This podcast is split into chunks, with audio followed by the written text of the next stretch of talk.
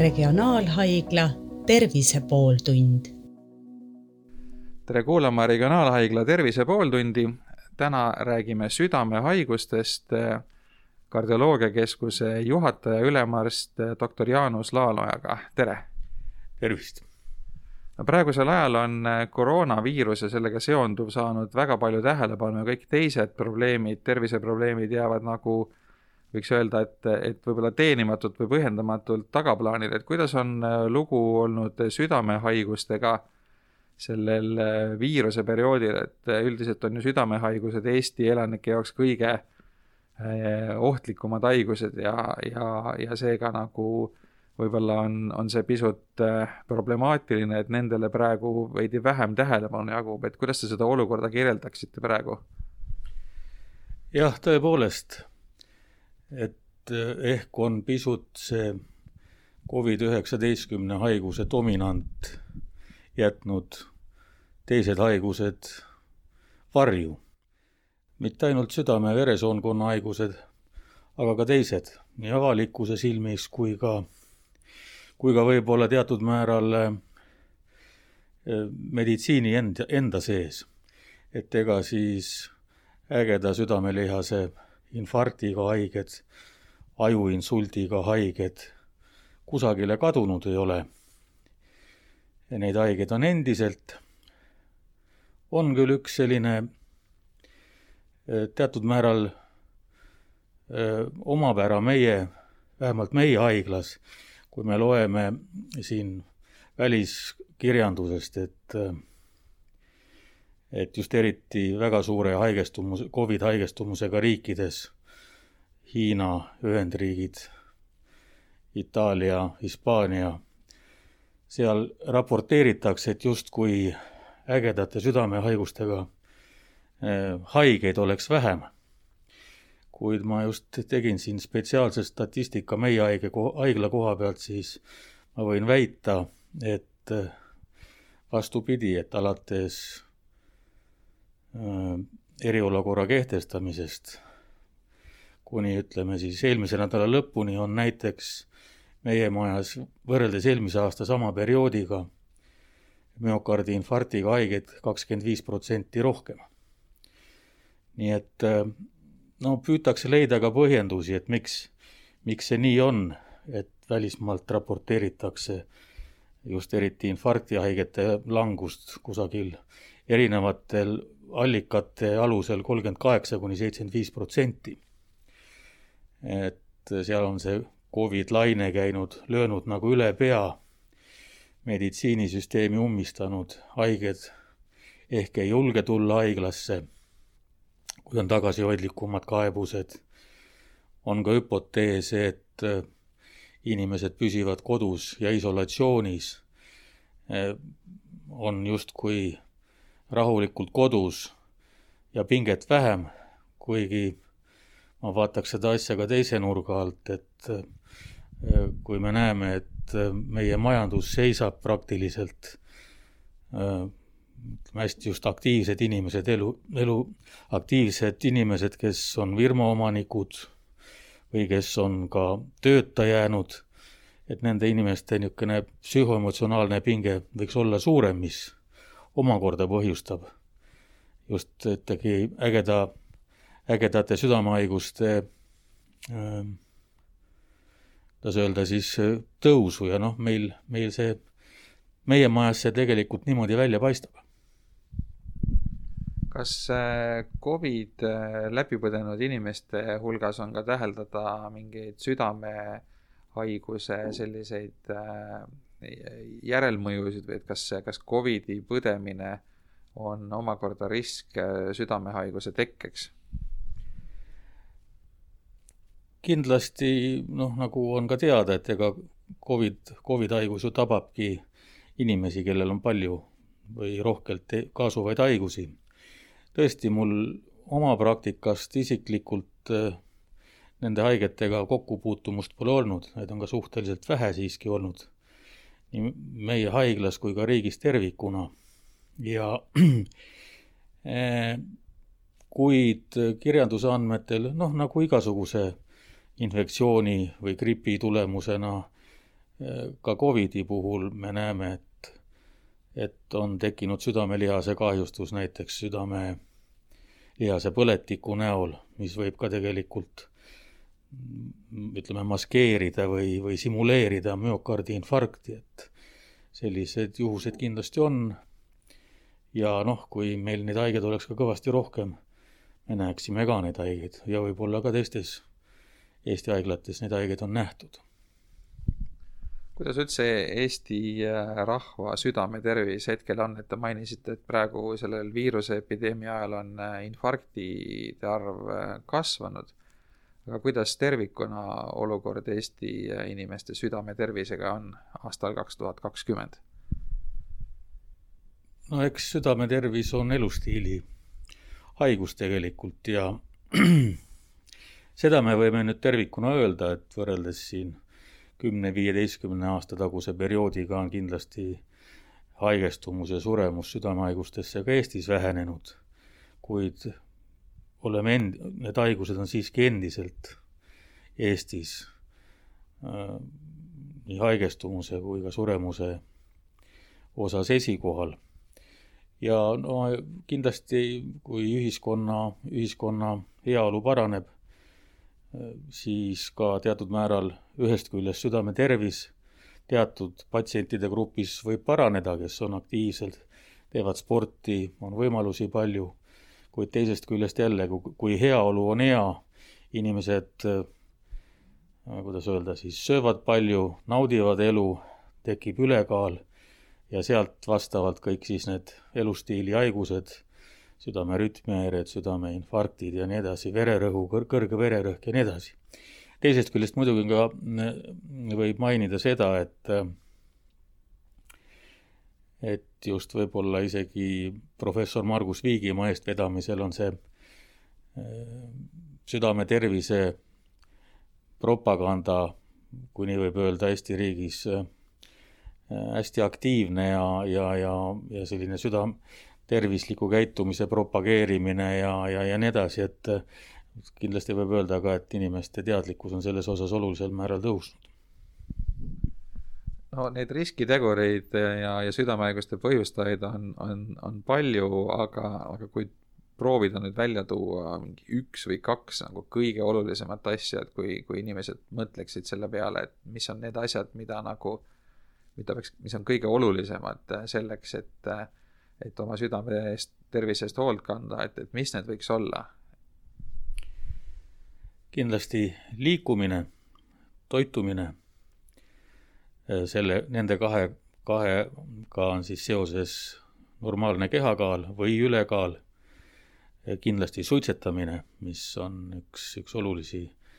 südamehaiguste riskifaktoreid. Ja, ja muidugi siis vererõhu kontrolli all hoidmine, aga need, ütleme, kõik tulenevadki sellest eelnevast, mis ma ütlesin just, et, et regulaarne füüsiline koormus, tervislik toitumine, et su kehakaal oleks korras, et su stressitase oleks äh, kontrolli all, siis ei juhtu ka seda, et su vererõhk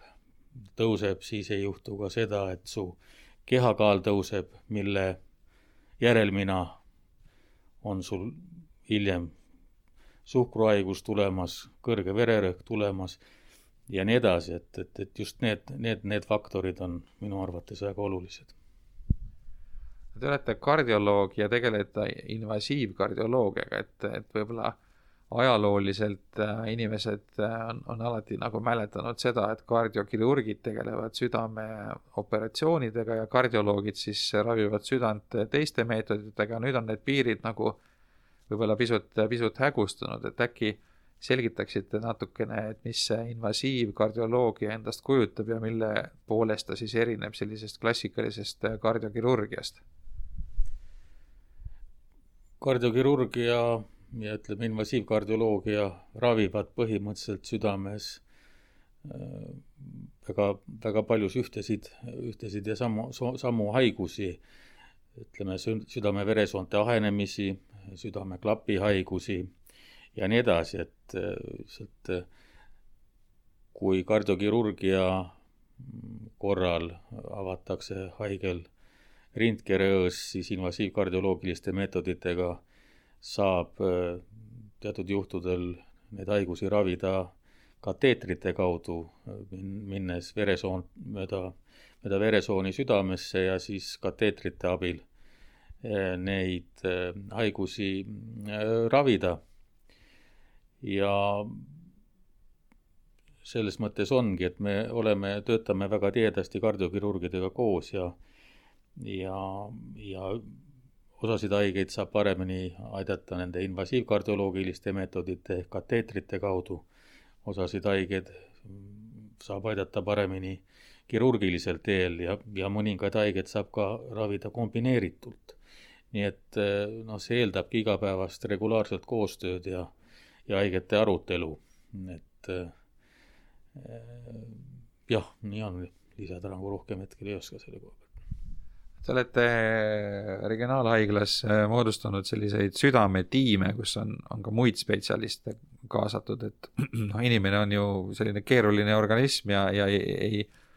tema tervis ei allu nagu sellele struktuurile, nagu haigla osakonnad ja spetsialistid on, et, et sageli on, on sellised äh, mitme põhjuse koosmõjud, et, et mida, millega need südametiimid tegelevad ja kuidas nende töö korraldatud on? meil on jah, nüüd äh, ütleme siis niimoodi, et kui on tegemist haigetega, kelle puhul ei ole otsustusprotsessis kõik väga selge ja loogiline, siis me nende haigete edasise ütleme, diagnostika ja ravi osas tõesti koguneme erinevate, erinevate erialade kolleegidega on need kardiokirurgid kindlasti, need on radioloogid, need on onkoloogid, need on veresoonte kirurgid. et selles mõttes ma nagu eraldi välja ei tooks, et see on nüüd mingisugune äh, südameklapi tiim ja, ja siis veresoonte tiim ja nii edasi, et eks me, eks või eks me ikka arutame neid haigeid eh, tihtipeale kõiki nagu koos, aga, aga kui noh, tuua selliseid eraldi valdkondi välja, siis tõesti, et üks asi on siis meil, kui ütleme, südamepuudulikkusega haigeid ja, ja, ja, ja ütleme, selline väiksem tiim, kes siis arutab, kuidas neid haigeid edasi ravida, kas on neile vaja see südame vasemavatsakese abiseade opereerida, kas on, kas on vaja haige suunata süda, südame siirdamisele, et seda nagu sellist töögruppi või tiimi juhib doktor Benti Põder, kes on esimese kardioloogia osakonna juhataja. Äh, siis äh, on meil ka olemas selline onkokardioloogia tiim, kus, kus siis arutatakse haigeid, kuidas nende ravi ja diagnostik, kuidas neid käsitleda ravi ja diagnostika aspektist äh, seda tiimi veab meil doktor Riina Vettus, kes on teise kardioloogia osakonna juhataja. ja siis no ütleme, on ka meil selline südameklapi tiim, kus, kus me arutame siis selliseid haigeid, kellele eh, saab klappi asendada, südameklappi asendada kas siis eh, kateetri kaudu või, või ikkagi avatud lõikusega, et seal on, eh, sinna on nagu siis haaratud nii kardiokirurgid, kardioanestesioloogid kui radioloogid ja kardioloogid ja, ja noh, võib ka ütelda, ütelda siis kitsamalt niisugune südame-veresoonte tiim samamoodi, kus siis arutatakse haigeid, keda on parem siis lõigata või ravida operatsiooni abil või siis selle invasiivkardioloogilise eh, protseduuri abil. Kui nüüd võrrelda seda invasiivkardioloogilist protseduuri ja operatsiooni, siis siis noh, tavamõistus ütleb, et see invasiivkardioloogiline lähenemine on, on patsiendile kergem taluda ja, ja ta saab rutem koju ja on, on väiksemad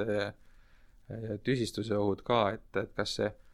kas see oletus on õige ja kas, kas, kas on näha seda suunda, et järjest rohkem protseduure, mida vanasti pidi tegema siis kardioloogilised või kardiokirurgilised ehk et äh, avatud operatsioonina nüüd saab siis kateetrite kaudu teha? jah, eks see kipub niimoodi olema, et äh, nagu ma ennegi mainisin, et tehnoloogia on, on väga kiiresti arenenud ja, ja, ja teadmised, oskused, et äh, on haigete ravi selles osas läinud jah, rohkem miniinvasiivsemaks. et muidu, muidugi selle üks aspekt on see, et eks, eks teatud, teatud protseduurid, kas või seesama klapi asendamine on hetkel võib-olla kallim kui tavaline kirurgiline klapi asendamine, aga, aga tulevik, tulevik kindlasti sinna, sinnapoole liigub, et, et järjest rohkem nagu püütakse südame erinevaid haigusi kateetrite kaudu ravida, mis ei tähenda seda, et kardiokirurgia kusagil ära kaoks,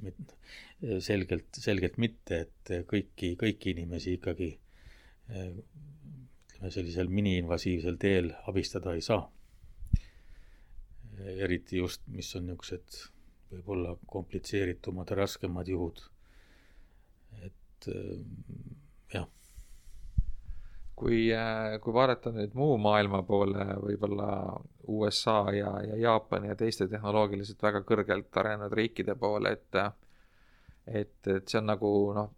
veidike tulevikku vaatamine meie mõistes ka, et kindlasti seal tehakse asju, mida meie veel ei tee, et, et mis on sellised äh, võib-olla lähema, ma ei tea, viie kuni kümne aasta äh, uuendused, mida te näete, et mis, mis võiks ka siia jõuda ja, ja, ja mida need äh, patsientide ravis annavad? võib-olla sellised reaalsemad, mida, mida hetkel näeks, on see, on see, et me saaksime ka näiteks südame mitraalklappi teatud juhtudel eh, ravida mm, kateetri kaudu ja, ja see oleks võib-olla üks niisuguseid selliseid lähemaid, lähemaid võimalusi ja suundi, mis oleks nagu meil ka päevakorral. kindlasti on ka teisi meetodeid, aga noh, meie, meie üks probleem ongi see, et me peame lugema oma raha. ja kui teenus ei ole Haigekassa hinnakirjas, siis on haiglal väga raske või haiglas väga raske seda meetodit juurutada, sest haigla peab ju selle selle, selle meetodi või selle, selle tegevuse, et kusagilt raha saama. ja kui see Haigekassa hinnakirjas see teenus ei ole, siis Haigekassa seda kulu haiglale ei hüvita, et me oleme nagu teatud määral selles mõttes kurvas olukorras, et võiks olla selline innovatsioonifond või, või, või jah, selline erirahastus uute meetodite juurutamiseks, ma mõtlen just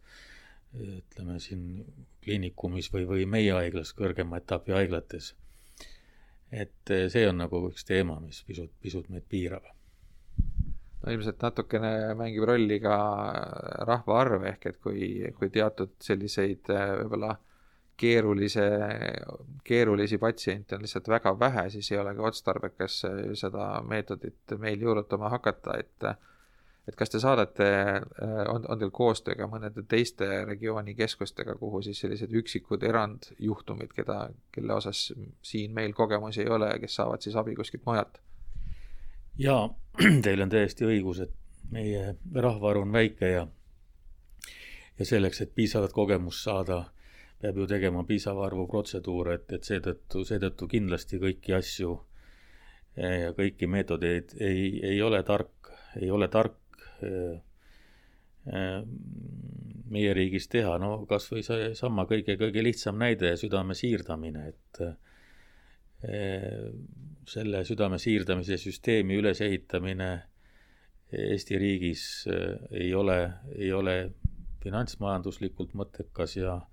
ja võib-olla ka kogu personali kogemuse osas mõttekas, nii et, et selles osas ongi noh, väga kujukas näide just koostöö Helsingi ülikooli, Helsingi ülikooli keskhaiglaga. ja, ja see, see toimubki meie, meie puhul siis äh, kardiokirurg ja kardiokirurg Günter Taali ja just kardioloog Benti Põde, Põderi eestvedamisel, et äh, kogu see tihe suhtlus siirdamist vajavate haigete ja ka südame-vasema vatsakese abiseadet implanteerivate haigete osas nendega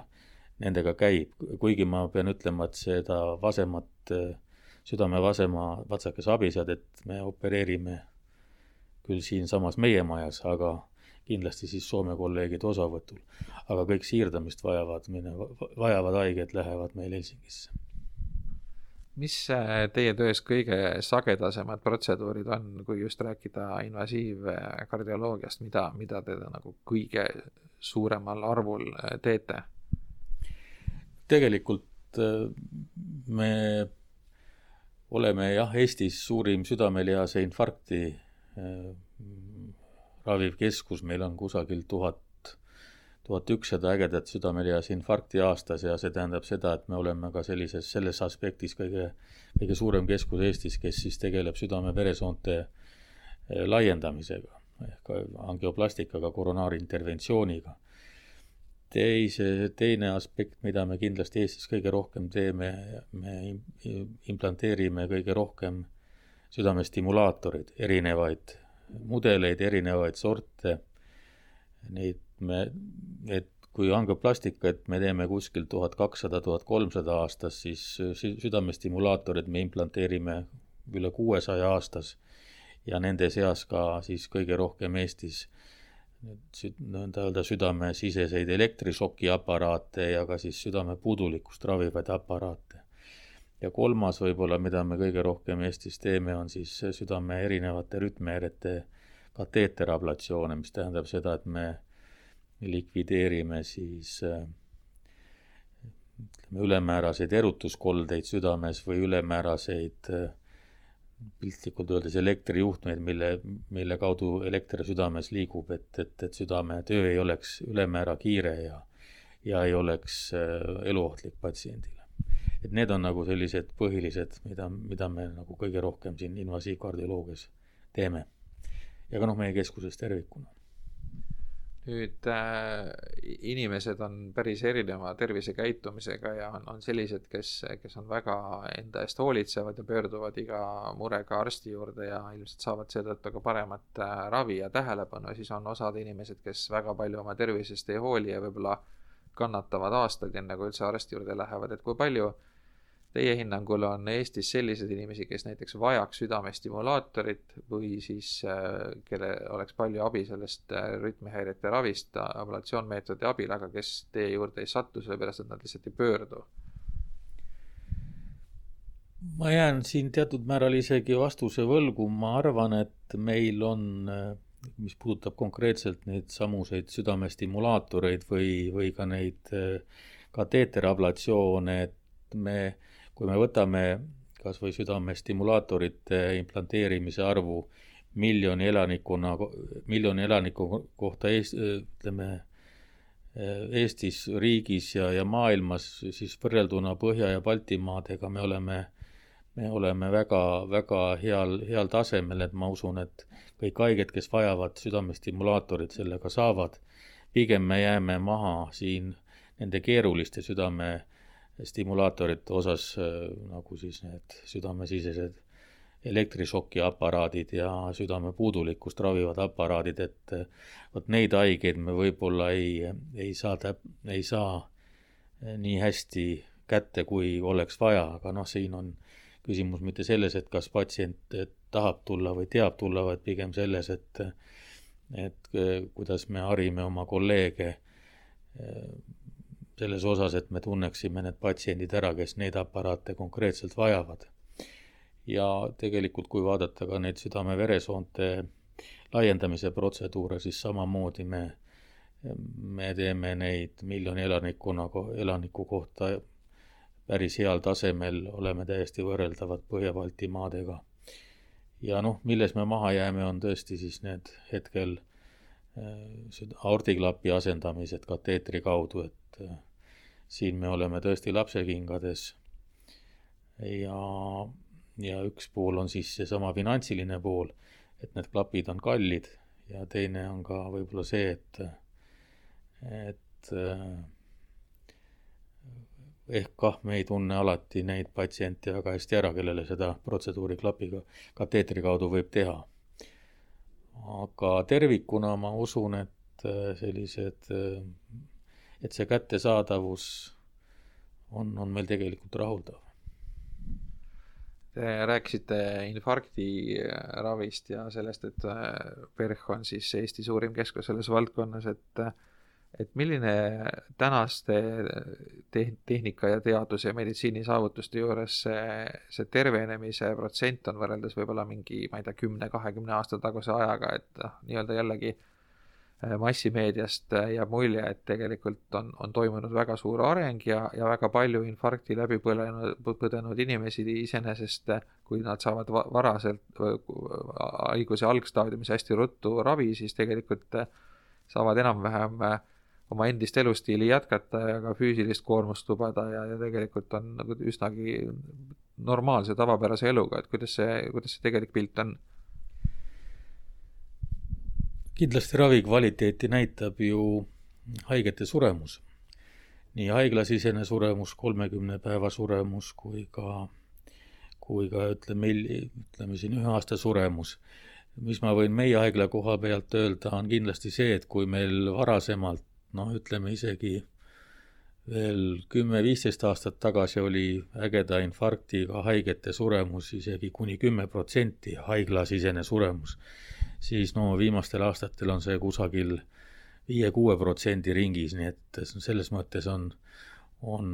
näha noh, märk, märkimisväärne areng ja noh, kogu selle, kogu selle, kogu selle, kuidas öelda, võiks öelda sellise edu taga ongi just see, et esiteks on, on haiged on teadlikumad, teavad, et õigel ajal tuleb pöörduda, kiiresti tuleb pöörduda ja teiseks ka muidugi see, et et meil on teatud määral ikkagi üleriigiline selline süsteem toimimas, kus kiirabi teab,